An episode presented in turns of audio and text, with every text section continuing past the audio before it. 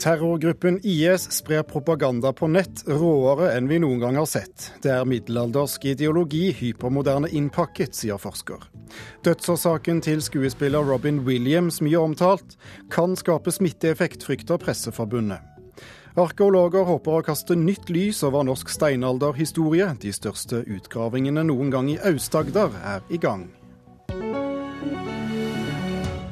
Og I Kulturnytt i dag møter vi også to rykende ferske tegneseriehelter, spesialagentene Krüger og Krog. Mitt navn er Thomas Alvarstein Ove. Propagandavideoene som terrorgruppen IS, også kjent som ISIL, sprer på sosiale medier, er råere enn det vi noen gang har sett. Det sier Rune Ottosen, professor i journalistikk.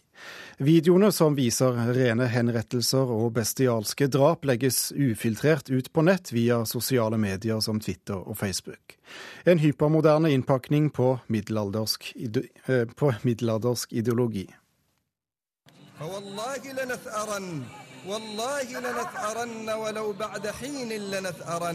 Dette er en propagandavideo produsert og publisert av terrorgruppa IS, også kjent som ISIL. IS er en ytterliggående islamistisk gruppe som kjemper for en sunnimuslimsk stat i Irak og Syria. I sommer har krigen eskalert, og gruppa har vært svært aktiv på sosiale medier og internett. Der har de spredd bilder og videoer som viser bestialske drap og rene henrettelser. Omfanget av volden og råheten i det er jo, kan man si, nådd et nytt nivå. Det sier Rune Ottosen, professor i journalistikk ved Høgskolen i Oslo og Akershus. Han tror at ungdommer i en radikaliseringsprosess kan la seg påvirke av de ekstreme filmene som legges usensurert ut på nettet. De når jo da potensielt et massepublikum som man ikke ville ha mulighet til å nå gjennom eh, vanlige publisistiske kanaler, som selvfølgelig ville stoppet eh, grove voldsscener og så ekstremt innhold. Eh, man kan si at man utnytter eh, ytringsfrihet til sitt groteske formål. Det som er eh, et paradoks, er at ISIL har jo en ideologi som på mange måter er middelaldersk, men de har en innpakning som er hypermoderne. Det sier Cecilie Hellestveit, som er seniorrådgiver ved forskningsinstituttet ILPI. Hun forteller at YouTube-videoer er et svært viktig virkemiddel for IS. Både for å rekruttere, for å eh, motivere eh, folk, eh, og for å spre skrekk. Hellestveit forteller at bruken av sosiale medier er spesielt viktig nå, siden krigen foregår i industrialiserte land som Syria og Irak. Folk har tilgang på internett, sosiale medier, og mobiltelefoner osv. i en helt, helt annen grad enn det de har hatt i andre land som man på en måte kan sammenligne dette her med de siste årene. Og Det gjør jo at dette får en helt annen funksjon også i forhold til lokalbefolkningen.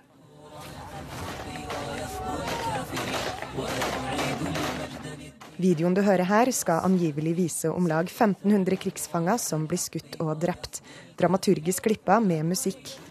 En av de som har spredd videoen på Facebook, er direktør i Fritt Ord, Knut Olav Åmås.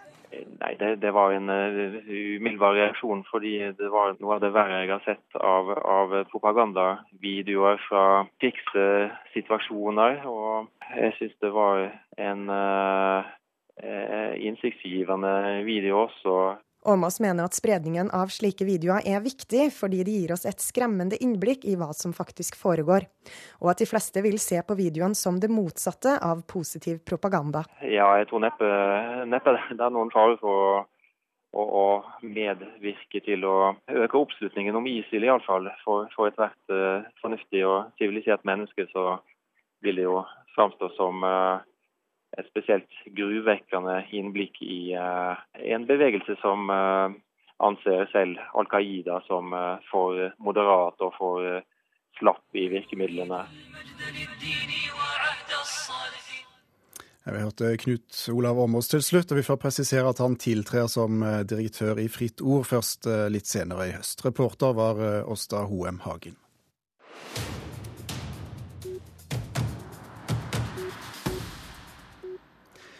2014 kan bli et svært godt kinoår for norsk film. Tall fra Film og Kino viser at billettsalget har økt med 63% siden i fjor, skriver Aftenposten. Denne høsten er 15 norske filmer premiereklare, i tillegg til de 19 som har blitt vist hittil i år. Blant filmene som kommer denne høsten er storfilmer som Kaptein Sabeltann og Beatles. Prosjektleder for eh, Områdeløft Tøyen, Hanne Marie Sønstegård, ønsker at Øyafestivalen blir et permanent innslag på Tøyen i Oslo. De er fornøyd med hvordan festivalen forløper i år, og selv om de mener naboklager kan behandles på en annen måte neste år.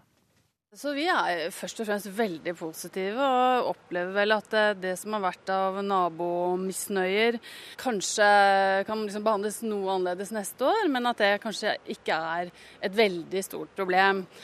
Men vi er jo opptatt av at Øyafestivalen blir involvert, og at det er på en måte en god link mellom det frivillige eh, miljøet og beboerne på Tøyen og festivalen. Vi håper jo at eh, de velger å bli på Tøyen.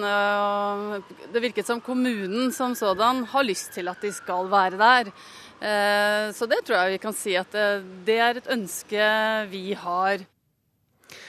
Og Sjakk-OL i Tromsø trekker ikke like mange TV-seere som sjakk-VM i november i fjor. 230 000 seere ser NRKs OL-sendinger daglig, skriver Dagens Næringsliv.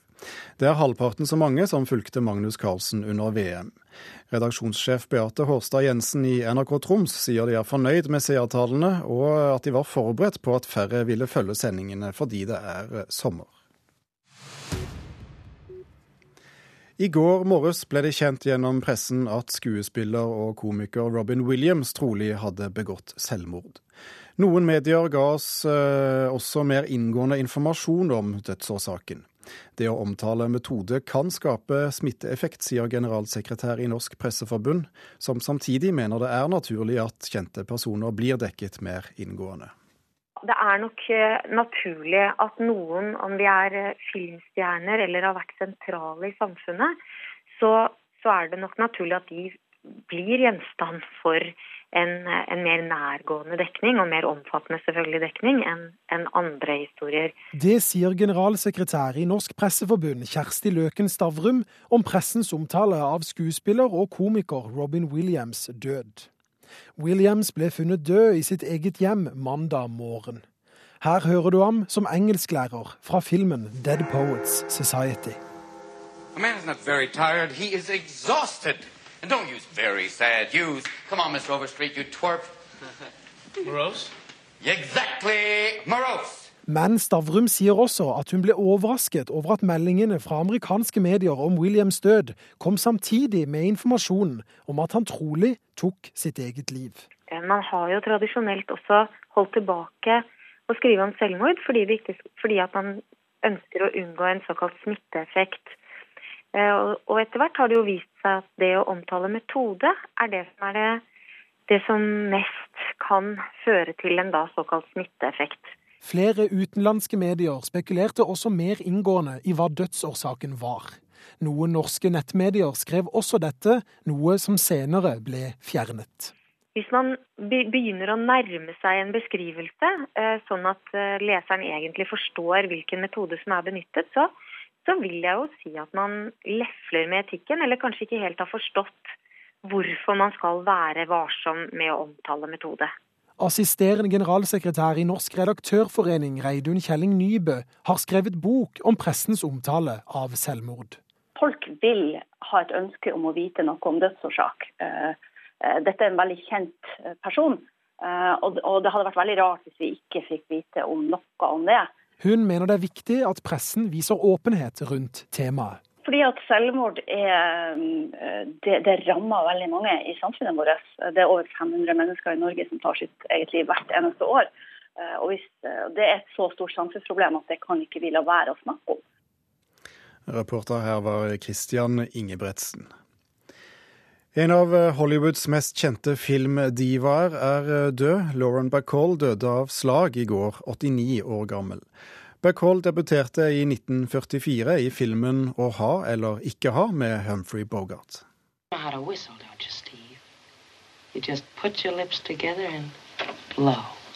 Med denne replikken til motspiller Humphrey Bogart ble 19 år gamle Lauren Bacall en stjerne over natten i 1944. Scenen fra filmen Å ha eller ikke ha er blitt stående som en av filmhistoriens mest kjente, selv om VGs filmkritiker den gangen mente Bacalls prestasjon var mer primitiv enn kunstnerisk. This is about the time for it, isn't it? Time for what? Story of my life. Where do you want me to begin? Året etter filminnspillingen giftet Bacall seg med Humphrey Bogart, og sammen spilte de inn filmene Den store søvnen, Mørk passasje og Stormvarsel, filmer som gjorde Bacall til en av etterkrigstidens mest kjente filmstjerner. You, you, sob, sob sob, I løpet av karrieren spilte Bacall i over 70 filmer og en rekke populære Broadway-musikaler. I 2009 ble hun belønnet med en æres-Oscar for hennes sentrale plass i det som kalles Hollywoods gullalder. This was something I never expected. I was in total shock when I got the call, and the shock has not quite worn off, I have to say. Bacall har også hatt en rolle i norsk film. I 2007 var hun æresgjest under Den norske filmfestivalen, etter at hun hadde spilt i den Haugesund-baserte filmen Wide Blue Yonder. We've got to make daring escape. Lauren Bacall døde av slag i går, 89 år gammel. Det er i dyp sorg, men med stor takknemlighet for hennes fantastiske liv at vi bekrefter Lauren Bacalls død, heter det i en kunngjøring fra Bogart Estate, som forvalter skuespillerens formue. Reporter, det var Halvor Haugen. Du hører på uh, Nyhetsmorgen i NRK P2 og Alltid nyheter. Dette er overskriftene nå når klokken uh, straks blir kvart over åtte. Fanger bør settes til å rydde langs veiene. Det foreslår stortingspolitiker Linda Hofstad Helleland fra Høyre. EU åpner for at medlemslandene kan sende våpen til kurderne i Nord-Irak. Og her er en advarsel til alle bilister. Det er mange seksåringer som er på skolevei for aller første gang i dag. De største arkeologiske utgravingene som noen gang er gjort i Aust-Agder, er i gang. Til tross for flere spennende steinalderfunn allerede før første verdenskrig, er det ikke gjort noen store utgravinger i fylket fra denne tiden før nå. Arkeologene tror det de finner kan kaste nytt lys over norsk steinalderhistorie. Så det her sånn er rett og slett en sånn siste puslespillbit, en sånn puslespillbit som eh, kan stå igjen og sette ting litt på plass og et litt annet lys. Joakim Åkerstrøm er en av totalt 22 arkeologer som er med i et av Kulturhistorisk museums største utgravningsprosjekter noensinne.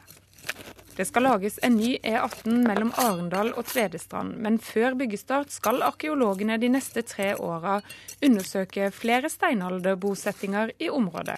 Og arkeologens forventninger er store. Det her er eh, ikke bare den hvite flekken på kartet, men det her kan også bli bindeleddet mellom vest og øst i Norge, på Østlandet. Så du får den stripa fra Vestlandet med Vest-Agder, Aust-Agder og så kommer du oppover til Telemark, og du følger til Vestfold og oppover til Oslo og videre.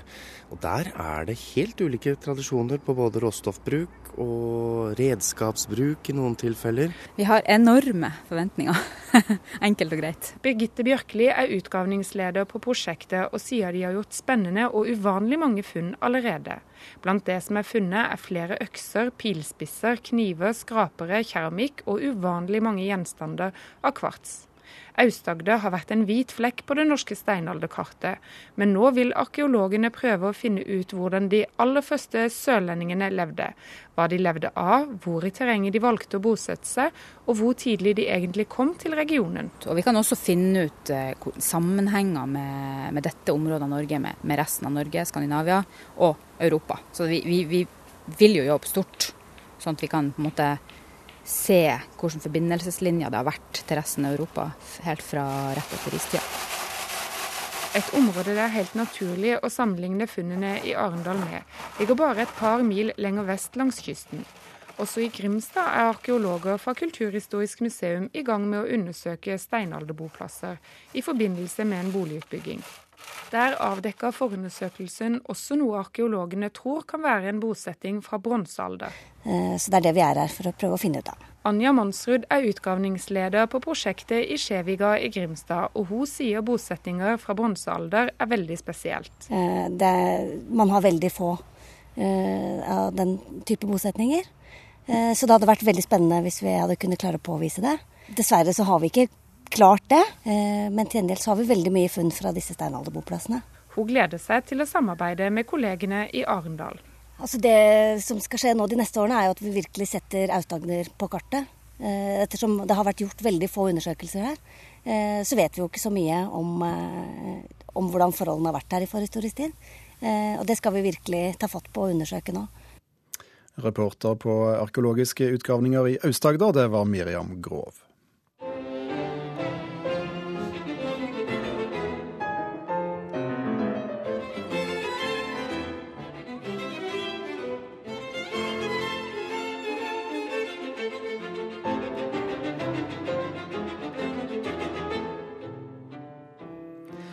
Vi skal til Stavanger, hvor byens kammermusikkfestival nå er godt i gang. Opptaket vi hører eh, fra her, er eh, fra konserten i Stavanger domkirke i går kveld, hvor eh, Edward Elgars klaverkvintett sto på programmet.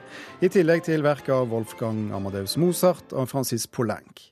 I spissen for denne fremførelsen sto den finske fiolinisten Pekka Kusisto, som vant Nordisk råds musikkpris i fjor. Han ledet et ensemble med bl.a. pianist Catherine Stott og fiolinist Henning Kraggerud. Øystein Sandvik, vår anmelder på plass i Stavanger. Hvordan oppsummerer du denne konserten i Domkirken i går? Altså, den var på sitt beste både interessant og gripende. Eh, det var en konsert med tre verker av eh, relativt ulik karakter og med forskjellige musikerkonstellasjoner. Men den som bandt det hele sammen, var den eh, eh, finske fiolinisten Pekka Kosisto, som var eneste musiker som spilte på alle tre av uh, disse verkene. Og det mest helstøpte av det vi hørte i går kveld, var uh, Elgar, som vi hørte så vidt litt fra innledningsvis her. Altså denne pianokvintetten fra 1918 som uh, fikk en til tider virkelig intens fremførelse. Løfta ut av denne atmosfæren av sentimentalitet og nostalgi som ofte preger Elgar. da. og med flott, flott ensemblespill. Tema for årets festival eh, er i skyggen av 1914, eh, altså med tanke på, eh, på starten av første verdenskrig. Hvordan syns du det fungerer? Ja, Det fører i hvert fall til et fokus på musikk fra denne tiden av Ravel, Debussy, Janacek, Kodai bl.a., som man kanskje sjelden hører spilt så mye. Så, og selv om det ikke ofte er så konkret forbindelse mellom musikken og krigen. Uh, og så er det litt vanskelig å følge opp i praksis. Uh, I går kveld så var det jo da egentlig bare Elgar som har en konkret forbindelse til uh, første verdenskrig. Og så musikken som Elgar skrev etter første verdenskrig, er jo helt tydelig preget av hans sorg over den kulturen som gikk tapt.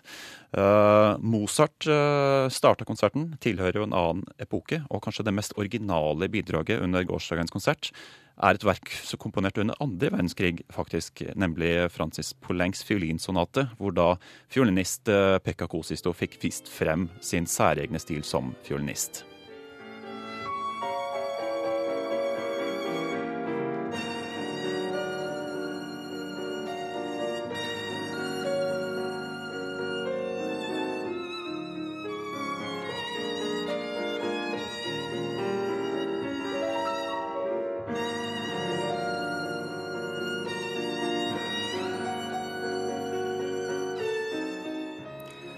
Det er altså den finske fiolinisten eh, Pekka Kosisto sammen med eh, norske Christian Ile Hadeland på klaver i Polenks fiolinsonate fra 1949. Hva syns du om denne? Det var helt klart det mest interessante i går kveld. Eh, og pga. Pekka Kosisto. Han er en veldig særprega originalmusiker, originalmusiker som gjør Veldig spennende ting med klang og med vibrato. Altså det, klangpaletten er veldig stor, fra å få fiolinen til å hviske til å skrape og ja, alt imellom. Og han er i tillegg en karismatisk musiker som leder eh, ensemblet på en naturlig måte. Da. Men det er problemet med spillet hans. Eh, det blir noe litt uorganisk over eh, alle disse triksene, og han mangler litt intensitet i en del fraser. Og det er intonasjonsproblemer. Han spiller ganske mye surt. Men Jeg foretrekker likevel en nyskapende musiker med skjønnhetspletter foran en teknisk perfekt fiolinist som spiller uten særpreg, for det hører vi altfor mye av i dagens klassiske musikk. Og hva da med starten eh, av konserten Mozarts eh, klarinettkvintett i A-dur med Martin Frøst på klarinett? Ja, Martin Frøst er jo en av festivalens to kunstneriske ledere sammen med Ile Hadeland. Og Frøst har mange glansnumre, eh, og dette er jo da ett og en Mozarts klarinettkvintett. Vi har hørt det ofte før. Han er en unik klarinettist. Han har en kontroll i det svake styrkeregisteret som er slående, vakker tone og virkelig en lyrisk eh, fremførelse. Men vi har jo hørt dette før da, fra Martin Frøst en del ganger. Men igjen så er det Pekka Kosistad som sørger for særpreg. På godt og vondt. Veldig nakent og sårbart uh, spill, uh, men samtidig litt veikt. Og som sagt kunne jeg ønske meg litt mer punch og intensitet i en del uh, fraser. Vi skal tillate oss å høre litt hvordan det hørtes ut. Takk skal du ha, Øystein Sandvik.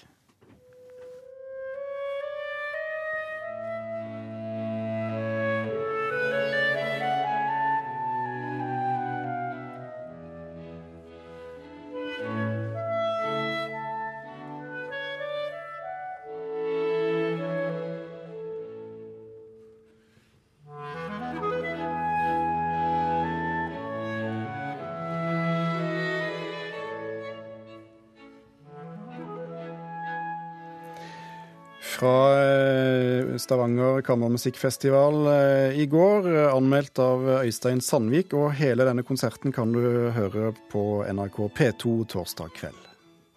Oslo, Norges hovedstad. Denne perlen av en by helt innerst i Oslofjorden, smykket med øyer, holmer og skjær i syd, og kronet med et diadem av nær urørt eventyrskog i de andre himmelretninger.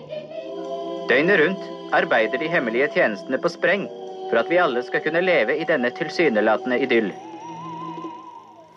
Ja, Kriger og Krog er navnet på noen av de som passer på oss. To nye norske tegneseriehelter. Denne uken kommer første hefte ut med tittelen Brennpunkt Oslo. Kriger og Krog er agenter i det superhemmelige etterretningsorganet AFMA, avsnitt for mellomliggende anliggender som ligger et sted i gråsonen mellom E-tjenesten og POT, tilbake på 1960-tallet. X-Files med lusekofte, har noen sagt. Eh, gentleman sci-fi kan vi kanskje kalle det. Det er Endre Skanfor, Bjarte Agdestein og Ronald Kabicek som er skaperne av dette universet. Og de to sistnevnte sitter her. Velkommen og god morgen. Tusen takk. Uten å røpe for mye, hva slags historie er det dere forteller? Ja, her er det uh, historie om en uh, etter først å ha etablert litt av det som du sa, dette avsnittet og hovedkarakterene Krüger og Krog her, så dumper de inn i en større sak. De holder på med en liten fillesak. Og dumper inn i en litt større sak som involverer en trussel mot eh, nobelprisutdelingen til Martin Luther King i universitetets aula. Og det er vel eh, snakk om eh, litt sånn diabolical masterminds og sånt. Så, så truer denne denne utdelingen. Hvordan kom dere på å legge dette til eh, et litt sånn overnaturlig 1960-tall? Eh, Nei, Vi har jo, har jo, hatt et ønske hele tiden om å eh, skape et, eh, et sånn mystisk univers. Eh, men med rot i faktiske historiske hendelser og, og en faktisk eh, Eh, location, da, som eh, Oslo og Norge er. Eh, så vi tenker at det er en, ja, en spennende et spennende utgangspunkt da, for, for sånn type historier. og vi, vi har tenkt det at det er mye, mye som ikke er kommet til syne da, underveis i historien. Så Eh, det vil vi rette søkelyset mot nå, da. Og Dere har gjort grundig research. Det er en lang takkeliste til eh, bl.a. Byarkivet og Stortinget osv. Hvorfor eh, så grundig til verks? Nei, det er, jo, det er jo blitt en litt sånn Eller litt. Det blitt veldig nerdegreie, dette, for oss. Fordi... Bordet, bordet fanga, vet du, når vi sa at ja, vi skal ti år siden ja, men vi gjenskape Oslo skikkelig, ja. da, så er det ingen av oss som vil ha gått tilbake på det. Da skal det være veldig nøyaktig.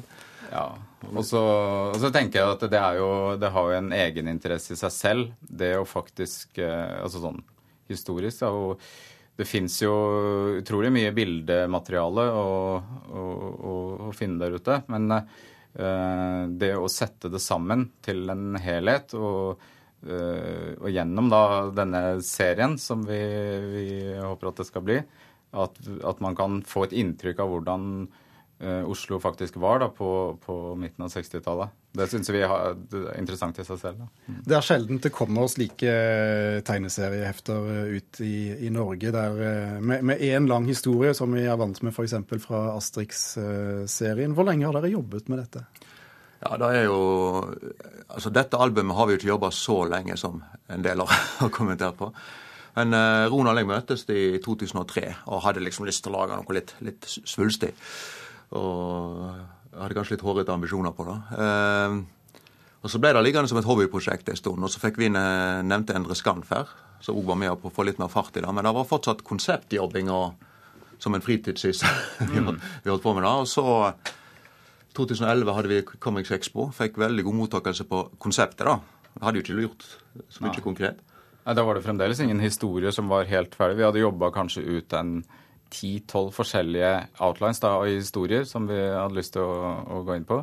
Men, uh, men, det var først etter uh, Comics Expoen i 2011 at vi, at vi da kom i kontakt med forlag, og, og ting begynte å materialisere seg. da. Mm. Og nå foreligger første nummer. Neste nummer er på tegnebrettet, ryktes det. Takk skal dere ha, Bjarte Agdestein og Ronald Kabicek.